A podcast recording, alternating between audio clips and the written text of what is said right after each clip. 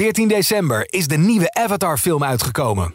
Maak kans op een droomreis naar Walt Disney World in Florida, waar je de wereld van Avatar op de meest spectaculaire manier kunt ontdekken. Ga naar ad of jouw regionale titel.nl slash Disneyworld en maak kans op deze onvergetelijke ervaring.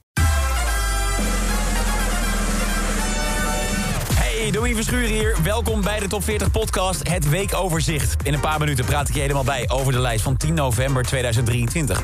Administratie van deze week, 18 stijgers. We hebben 14 zakkers, 6 zittenblijvers en 2 nieuwe binnenkomers. Ja, er is weer een hoop gebeurd deze week. Noah Kaan scoort zijn eerste solo-hit met Stick Season. Direct heeft een bijzonder jubileum te vieren. En als je dacht dat het daarbij stopt... dan heb je de nummer 34 van deze week er niet meegekregen. Nieuw.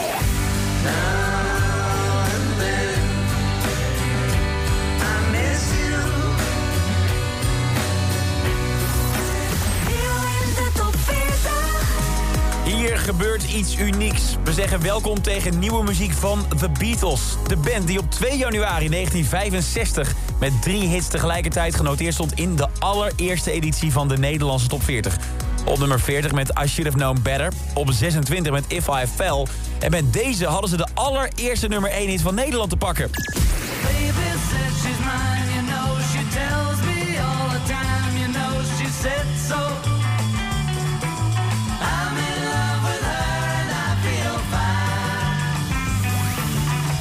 Feel Fine wist uiteindelijk vijf weken lang bovenaan te blijven staan. En nu, bijna 59 jaar later, hebben we de 30ste top 40 hit voor The Beatles te pakken.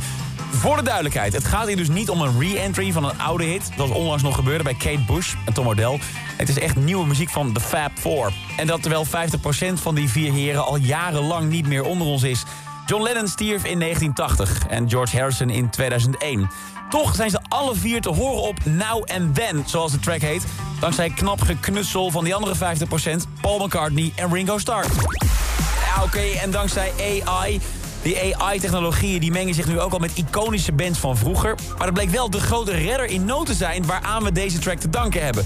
John Lennon schreef de basis voor Now and Then namelijk al in 1977 had thuis ook al een demo opgenomen, maar die heeft hij nooit af kunnen maken voordat hij stierf. En toen zijn vrouw Yoko Ono jaren later die cassettebandjes met allemaal demo's tegenkwam... besloot ze die aan de andere jongens te geven. Hopelijk konden zij die liedjes alsnog afmaken. Ja, dat wilden ze wel, maar ze bleven tegen één groot probleem aanlopen. Er zit een gigantische zoom door die demo van John Lennon.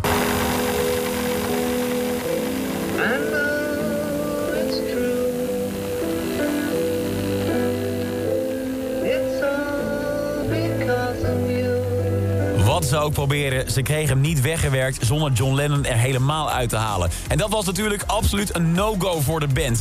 Het liedje kwam dus weer op de plank te liggen en dat leek jarenlang ook het einde voor Now and Then. Totdat in 2021 de Beatles documentaire Get Back uitkomt. Er speciaal voor die docu een nieuwe techniek ontwikkeld... waarmee je met kunstmatige intelligentie de zang en de instrumenten op liedjes van elkaar kan scheiden. En dat bracht Paul en Ringo Starr op het idee... laten we het toch nog een keer proberen. Maar dan met die technologie. En dat is gelukt. Ze hebben de originele stem van John Lennon uit die demo gepakt... en die harde ruis digitaal weggepoest. Daarna zijn alle instrumenten opnieuw ingespeeld... en zo is het onmogelijk ineens mogelijk geworden. En kwam daar vorige week ineens nieuwe muziek van The Beatles. En net zoals in de jaren 60 is de Beatlemania nog steeds enorm groot. Want vanaf het eerste moment schieten de streams door het dak. En een week later is het al een dikke top 40 hit geworden. Nieuw op nummer 34 in de Nederlandse top 40 van 10 november 2023. Het is echt zo. The Beatles en Now and Then. En dan naar de band die met de dag meer de Nederlandse Beatles begint te worden.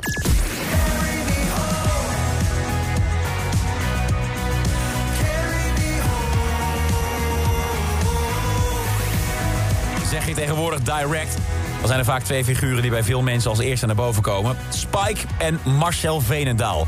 De zanger met een flinke bos krullen, kekke zonnebrillen en wijde gewaden... die helemaal in trance over het podium raast... terwijl hij met al zijn ziel en zaligheid zingt.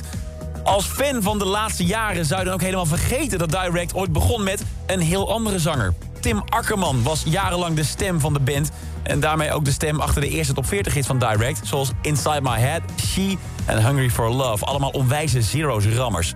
Maar begin 2009 besloot Tim om er een punt achter te zetten. Hij stapte uit de band en er begon een zoektocht naar een nieuwe zanger... via een speciale talentenjacht op tv. Wie is Direct? En een van die deelnemers is een gast die ze al eens een paar maanden als hun achtergrondzanger hebben gehad.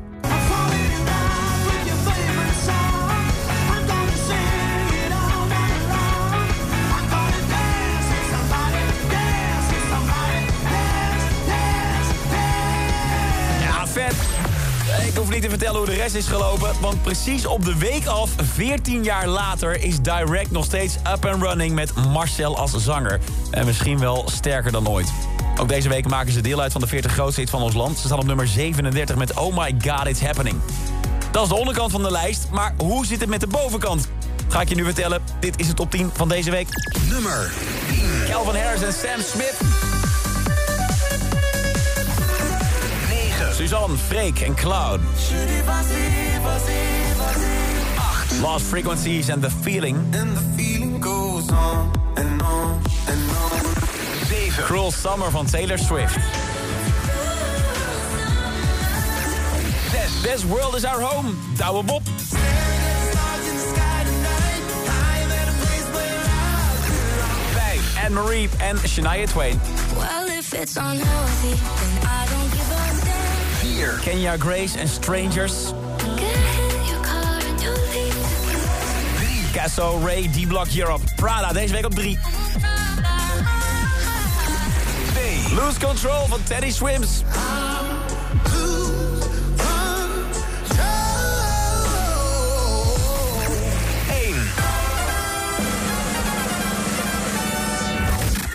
We zagen dit jaar al eerder gebeuren op 4 februari, 18 maart en op 10 juni.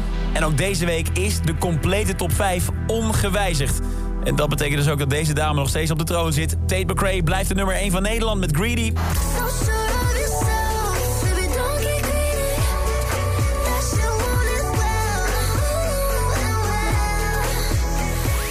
Deze week kwam er nog meer goed nieuws voor de fans van Tate McRae. 8 december komt haar nieuwe album uit, Think Later. En daar zit ook een wereldtour aan vast, waaronder een show op 29 april in Avas Live Amsterdam.